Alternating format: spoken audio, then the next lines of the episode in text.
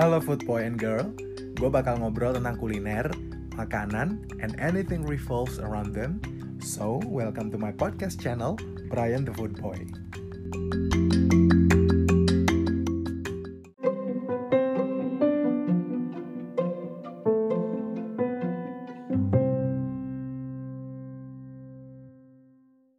Topik yang mau gue obrolin sekarang mungkin sebenarnya nggak berkaitan secara langsung ya sama makanan. Tapi yang jelas berkaitan erat banget sama makanan. Yaitu berat badan. Ada nih orang yang dari kecil sampai sekarang gitu badannya ideal terus. Ada yang abis merit langsung berubah jadi lebih gemes. Ada yang dari kecil sampai dewasa selalu kurus atau underweight meskipun makannya udah banyak banget sampai udah mungkin nearly desperate gitu harus ngapain lagi. Ada juga nih yang dari sejak mengenal tubuh dia sendiri dari TK sampai sekarang dewasa cenderung gemes, overweight atau obesitas. Yang kadang sering banget gue denger gue aja minum air putih jadi lemak atau gue ngehirup asap makanan aja bisa naik 5 kilo gue udah coba diet A, B, C, sampai Z tapi emang udah takdir yang gini gimana dong? Macem-macem deh ya. Kalau gue nih menjawab judul podcast episode ini selama gue hidup 28 tahun ini ya yeah, ketahuan dah. Beberapa titik berat badan yang mampu gue inget tuh. Waktu lahir kalau nggak salah gue tuh sekitar 2,8 kg normal sih tapi kemudian ketika batita seingat gue atau setahu gue tuh gue cenderung kurus sampai ada masalah paru-paru terus juga saudara gue bilang gue susah makan katanya sih sering ngelepeh makanan gitu akhirnya pas playgroup atau TK gitu gue mulai tuh dikasih sirup-sirup apa sih penambah nafsu makan atau suplemen gitu dan waktu itu gue inget waktu TK berat gue tuh sekitar 18 atau 20 kilo. Nah itu menurut gue masih normal nih. Tapi pas masuk SD mulai nggak terkontrol.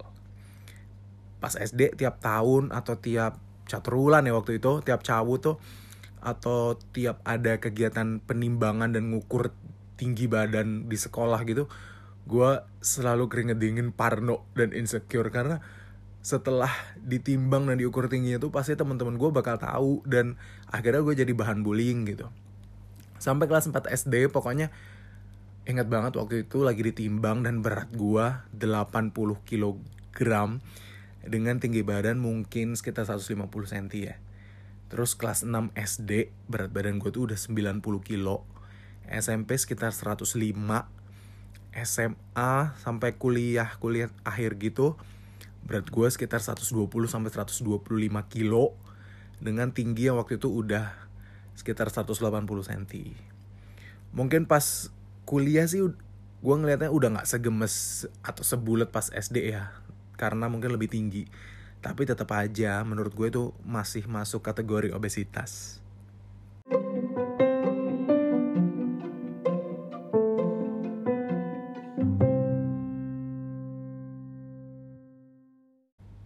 Oke, okay. kita bisa sih googling gitu ya, teknis buat ngitung komparasi lo antara tinggi badan dan berat badan tuh seberapa sih buat tahu masuk kategori underweight, normal, overweight, obes, obes pun ada obes 1, obes 2 atau gimana gitu. Tapi menurut gue kategori atau label-label kelompok berat badan tersebut tuh nggak sedangkal berat badan dalam kilogram dibagi tinggi badan kuadrat lo dalam meter. Karena kalau ternyata orang itu berat tapi yang banyak adalah muscle atau otot, ya bisa aja dia masuk kategori overweight atau obes, tapi kelihatannya normal-normal aja kok. Jadi ya kompleks lah. Mungkin ada ya penjelasan secara teknis atau saintifik gitu. Secara mendalam gimana sih kondisi tubuh manusia. Tapi gue termasuk orang yang percaya kalau berat, ukuran, atau bentuk tubuh seseorang tuh sangat-sangat dipengaruhi oleh banyak faktor. Sebelumnya maaf banget kalau misalnya terdengar sok tahu atau gimana, tapi hal-hal ini tuh ya seingat gue aja, sepengetahuan gue dari berbagai sumber yang pernah gue baca, terus juga dari uh, sharing-sharing dokter dan juga para ahli gitu lah. Nah, faktor yang pertama menurut gue yang mempengaruhi banget berat badan adalah gen atau bawaan keluarga. Mungkin ada ya yang nggak percaya atau mungkin apa sih? Ah jangan nyalahin silsa keluarga lo deh. Kalau misal gendut ya bukan berarti lo pasti gendut. Ya ya gue nggak tahu ya percaya nggak percaya. Tapi gue sebenarnya pengen nggak percaya sama faktor gen itu. Tapi gimana ya terlalu banyak contoh-contoh di keluarga gue. Ya mayoritas saudara gue dari pihak nyokap ataupun bokap tuh emang mayoritas tuh gede-gede gitu. Kalau ada yang kurus itu sedikit banget dan emang either mereka nih nggak doyan makan hobi banget olahraga atau emang lagi diet banget lagi jaga makan banget gitu kalau yang kehidupannya normal, setahu gue tuh emang di keluarga gue cenderung big size dari sepupu-sepupu, terus juga om tante kayak gitu. Nah, jadi dari fakta-fakta ini dari sisilah keluarga gue tuh ya gue udah menerima sih bahwa dalam gen gue emang bawaannya ya bertubuh besar. Terus juga faktor berikutnya menurut gue adalah kebiasaan lifestyle atau gaya hidup lo dari kecil. Dari kecil tuh kalau gue di keluarga terbiasa banget makan nasi all the time ya. Dari sarapan makan siang sampai makan malam sampai supper midnight gitu. Terus juga reward misalnya kalau dapat nilai bagus atau berhasil bangun pagi waktu liburan gitu terus juga selebrasi misalnya pas naik kelas ulang tahun tuh pasti ujung-ujungnya ke makanan. Misalnya pergi ke resto terus ke fast food restoran gitu jajan-jajan snack soft drink segala macem. Jadi emang apa ya nggak jauh-jauh lah larinya tuh ke makanan. Terus juga kita tuh nggak ada kebiasaan olahraga sama sekali. Ataupun jarang banget. Mungkin pas libur panjang gitu baru berenang atau weekend itu pun nggak selalu tiap weekend ya berenang gitu. Kalau kayak jogging lari jalan kaki tuh jarang banget. Emang nggak nggak nggak dibiasain gitu. Sampai suatu titik ya pas SD itulah gue lupa kelas berapa. Awal-awal SD ya gue bisa dibilang udah kecanduan banget sama makanan. Dan udah makin susah buat diubah. Mungkin almarhumah mama gue yang sering lebih sering gitu ngasih tahu ayo makannya jangan banyak-banyak. Terus dipikir lagi butuh makanan itu atau enggak? Gitu. Terus yang paling sering dikasih tahu tuh gini uh, mama papa tuh nggak sayang sama makanannya tapi sayang sama kamu sayang sama badan kamu. Gitu. Itu sih yang paling sering diomongin ke gue biar gue lebih sadar gitu waktu makan kalau bokap atau papa sih lebih slow gitu lebih pendiam hampir nggak pernah nyuruh gue buat diet atau ngurangin makan gitu sih. Apalagi bilangnya tuh ya udah biarin dulu lah kan masih masa pertumbuhan gitu. Tapi mostly sih diem gitu. Nah dua faktor itu sih menurut gue yang jadi faktor terbesar penentu berat badan lo. Ya pasti ada lah faktor-faktor lain. Kayak personality kita gimana terus tipe-tipe orang yang mau dengerin masukan orang lain apa enggak sih gitu. Emotional eater apa enggak. Terus kita tuh mikirin long termnya gimana kalau kita makan makanan ini. Terus juga faktor lain menurut gue ada juga kegiatan kita di luar rumah.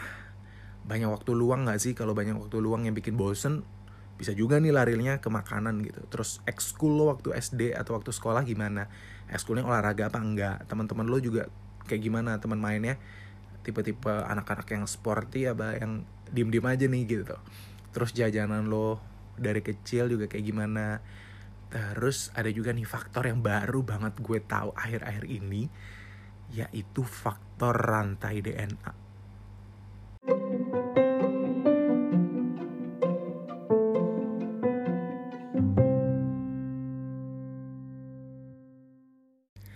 Tadi gue udah cerita dari SD sampai kuliah berat badan gue gimana.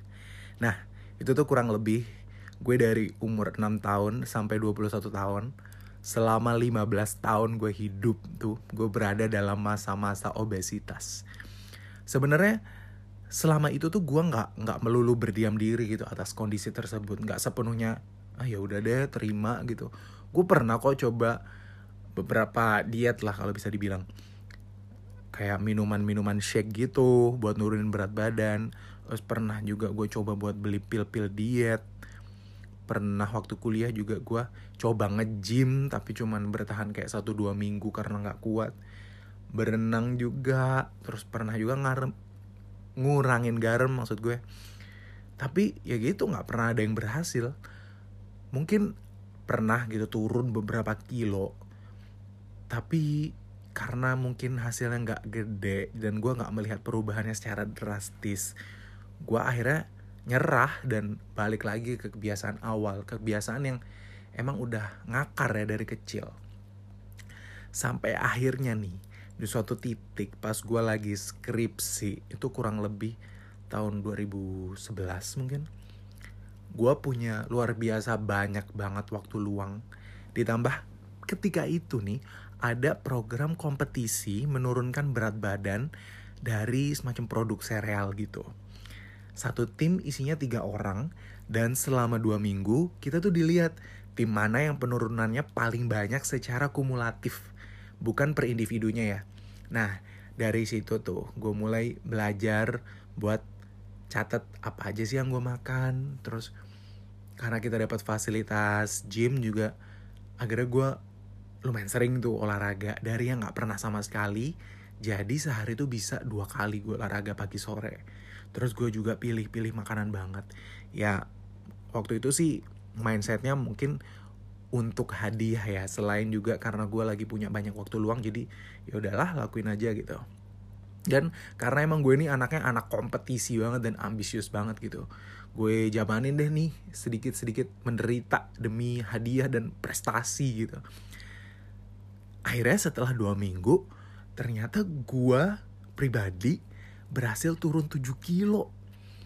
Anggota tim gue yang lain sih yang satu orang tuh cuma berhasil kurang lebih satu kilo dan yang satunya lagi 2 kilo. Nah dari situ nih meskipun kita nggak menang tim kita nggak menang nih tapi di titik itu gue ngerasa oh bisa nih. Akhirnya ada hasil nyata dan lumayan kelihatan loh dua minggu gue bisa turun 7 kilo wah ini nih saatnya nih saatnya gue niat dan lebih komit buat berubah Nah dari situ gue lanjutin lah olahraga rutin.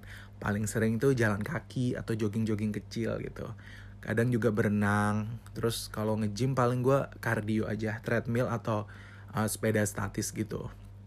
Terus kalau dari makanan, gue tuh mulai nggak makan nasi, karbo, terus juga gue ngurangin 3G. Gula, garam, gorengan. nah istilah 3G itu sampai ada artikel gue waktu itu di interview detik.com uh, detik health gitu. Sampai pas gue wisuda di awal 2013 gue dari yang zaman zaman kuliah tuh beratnya bisa 120-an kilo bisa jadi 80 kilo. Pernah juga 78 kilo seinget gue ya pas nimbang gitu. Akhirnya waktu orang lihat pas wisuda sih ya ya pasti banyak yang ngerasa apa sih namanya? Uh, pangling pangling. Nah ya pangling. Tapi kalau orang yang nggak kenal gue sebelumnya mungkin denger 80 kilo gitu. Ah menurut gue angka segitu masih gendut deh tapi menurut gue ya dengan tinggi gue 180 cm dan terakhir berat badan gue 80 kilo itu kelas 3 atau 4 SD di titik itu tuh gue merasa adalah masa-masa terkurus tercungkring gue ever gitu. Dalam 15 tahun gue nggak pernah sekurus itu. Dan mungkin juga orang lupa ya atau nggak tahu kalau lo gemuk setelah belasan atau puluhan tahun kulit tuh kan udah melar ya atau adaptasi sama volume tubuh lo yang makin membesar. Jadi once lo weight loss atau turun berat badan meskipun secara gradually atau perlahan-lahan aja pasti tuh ada excess skin atau kelebihan kulit atau bahasa bahasa bahasa itunya sih gelambir gitu ya setelah itu.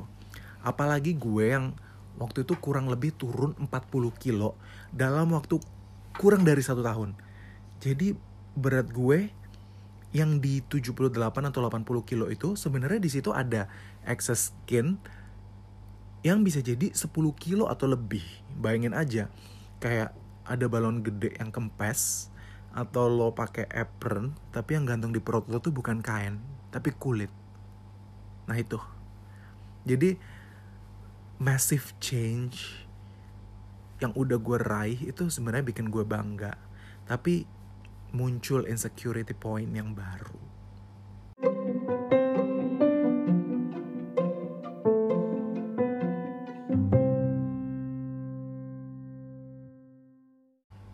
Tapi bukan insecurity point baru itu yang mau gue bahas lebih dalam. Intinya setelah 15 tahun gue itu obesitas, dari 2012 sampai 2015 bisa dibilang gue tuh punya ukuran tubuh yang baru, punya tubuh baru gitu loh. Lebay-lebaynya kayak punya kehidupan baru. jadi banyak banget hal-hal yang sebelumnya nggak bisa gue lakuin, sekarang jadi bisa gue lakuin. Hal-hal yang selama ini tuh cuman ada di angan-angan gue, akhirnya bisa gue realisasiin gitu. Yang paling seru sih kalau gue pergi ke mana ke mall atau belanja belanja pakaian itu gue bisa hampir di mana pun. Gue jadi udah nggak pernah mikirin atau musingin masalah size. Kalau dulu sih waktu kecil sampai kuliah gue tuh selalu nyari toko baju atau FO factory outlet yang ada ukuran big size atau sering juga bolak-balik tukang jahit bahkan buat bikin seragam sekolah atau pakaian olahraga gitu gue pergi ke tukang jahit. Terus juga celana gue dari ukuran 46 bisa jadi 36 baju waktu itu gue ukuran S atau M aja kadang muat gitu. Terus gue juga punya hobi baru jadinya suka lari sampai ngoleksi medali 5k gitu. Nah nyokap bokap gue sendiri yang awal awal awal nggak percaya kalau gue bisa diet dan agak khawatir juga sih awalnya. Tapi lama kelamaan jadi lumayan bangga. Lah abisnya gue tiap pulang kampung ke Malang gitu pasti ada aja yang nanya tips-tips diet gitu. Itu berarti kan mereka yang ceritain kan. Soalnya gue kan nggak mungkin gitu gembor-gembor ke semua orang juga. Tapi jangan senang dulu saudara. Roda kehidupan tak selamanya berada di atas. Setelah tiga tahun gue punya tubuh baru tiga tahun berikutnya berat badan gue tuh pelan-pelan naik lagi ke titik yang lebih parah dari sebelumnya. Huh, akhirnya nih di, di tahun 2017 akhir atau pas awal-awal 2018 entah apa yang terjadi ya enggak sih ya karena karena pola makan gue yang berantakan lagi sih dan juga karena banyak pekerjaan dan bisnis gue tuh semuanya serba kuliner akhirnya berat badan gue jadi 130 kilo.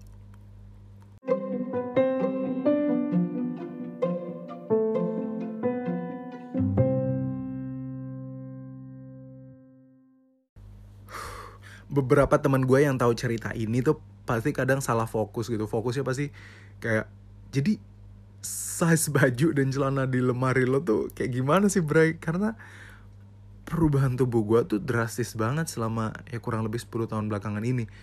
Up and down banget dan itu kayak puluhan kilo, 40 kilo.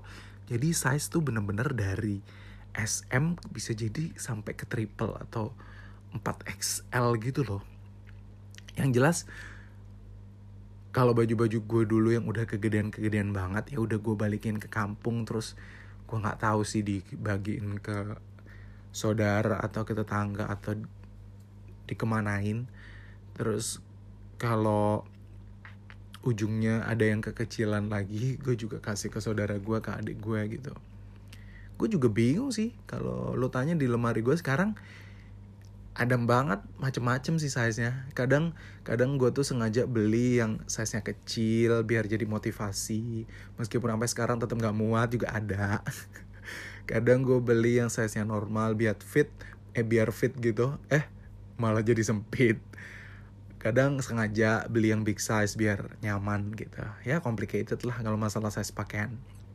Nah, balik lagi nih ke berat badan gue yang 130 kilo itu jadi di 2017 akhir itu pas banget lagi-lagi nih ada info kompetisi nurunin berat badan. Ya emang gue tuh bener-bener gak bisa jauh-jauh ya dari kompetisi.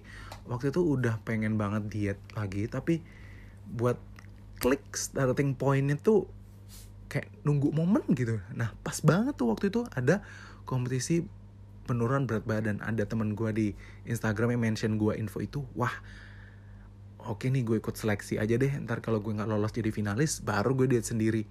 Eh alhamdulillah waktu itu setelah seleksi dari ratusan peserta di 2017 akhirnya awal 2018 gue tuh kepilih jadi 10 finalis kompetisi nurunin berat badan gitu. Tapi kali ini kompetisinya tuh individu lebih kompleks dan lebih lama dibanding yang dulu gue pernah ikutin di 2011 atau 2012 itu jadi selama tiga bulan gue tuh dalam ikut kompetisi nurunin berat badan itu dapat banyak banget fasilitas dan juga bimbingan dari dokter, ahli gizi, psikolog dan juga banyaklah pihak-pihak lain gitu.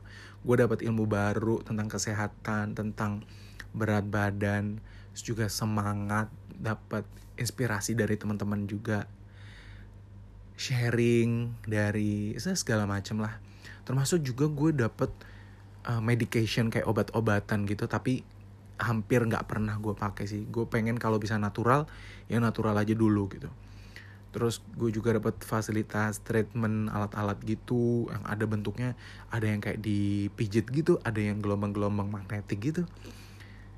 Macem-macem lah tapi seru.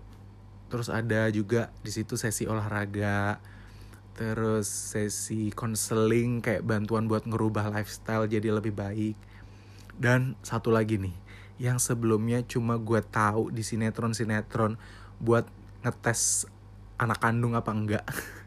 Tapi ternyata bisa dipakai buat tahu apa ya, histori berat badan lo gitu loh. Which is tes DNA.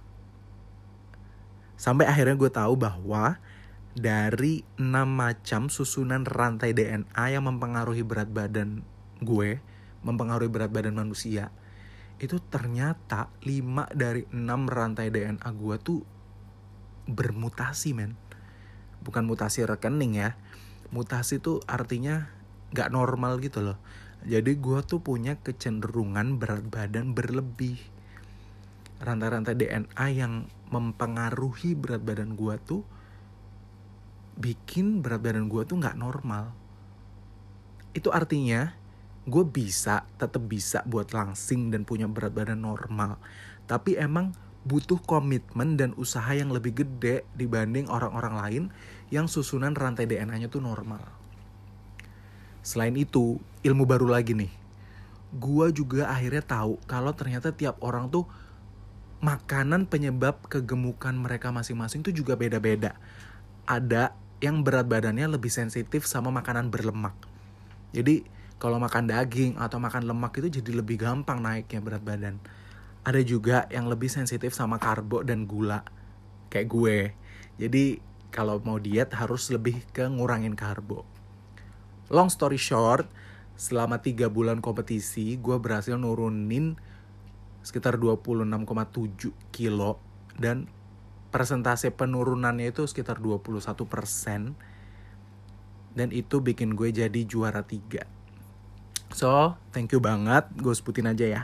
Lighthouse Indonesia. Gue jadi tahu banget banyak hal seputar kesehatan. Sorry juga kalau belum bisa jadi alumni yang baik.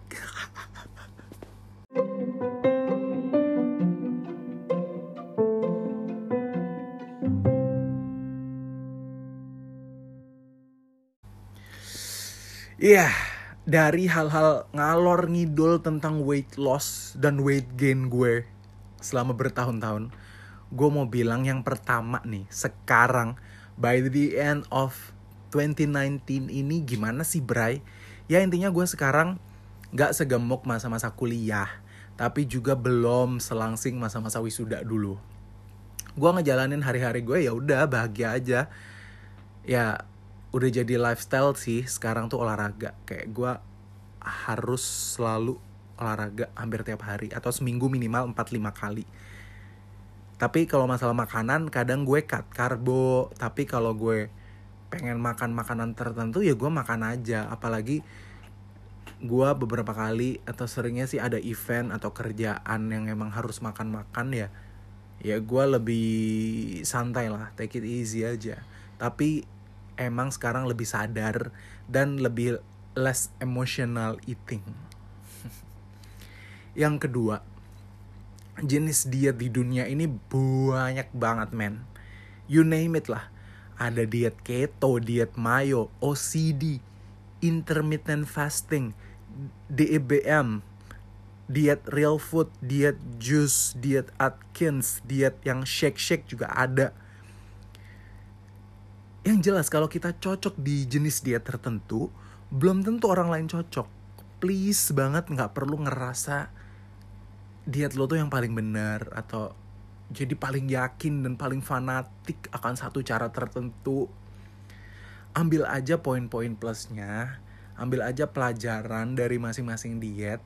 Kalau mau coba terapin ya monggo silakan kalau emang yakin berhasil dan bahagia ngelanjutinnya atau bahagia ngejalaninnya ya silakan dilanjutkan.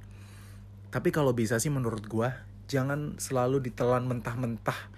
Tiap ada informasi diet atau tiap ada tawaran diet. Better sih nanya dokter atau nanya ahli gizi yang independen dulu deh paling bener menurut gue sih. Independen tuh maksud gue bukan yang ujung-ujungnya maksa buat beli produk atau buat bayar treatment tertentu gitu. Artinya mereka tuh ngembaliin keputusan final seutuhnya tuh di kita. Mau pakai cara yang mana? Yang jelas kita udah konsultasi keputusannya balik lagi ke kita. Dan menurut gue meskipun emang yang paling ngaruh itu makanan tapi please tetap sempetin olahraga karena itu tuh penting banget. Dan juga bisa lah kita ngurangin hal-hal yang kurang berfaedah kayak begadang sama gibah gitulah gue juga masih belajar sih yang ketiga jangan cepet nyerah tapi juga jangan cepat puas.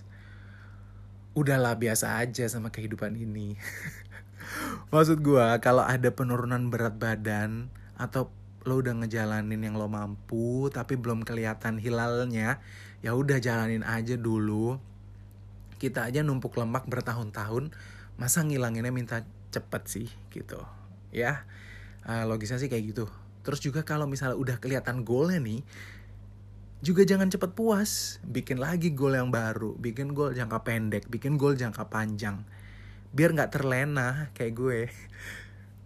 Kadang gue sih ya seminggu misalnya naik setengah kilo ya udahlah nggak masalah. Tapi kan setahun kalau lo seminggu naik setengah kilo, setahun bisa naik 25 kilo men. Waspadalah lah hal-hal kayak gitu. Poin keempat yang gue masih sangat belajar gak usah terlalu segitu mati-matiannya fokus soal fisik.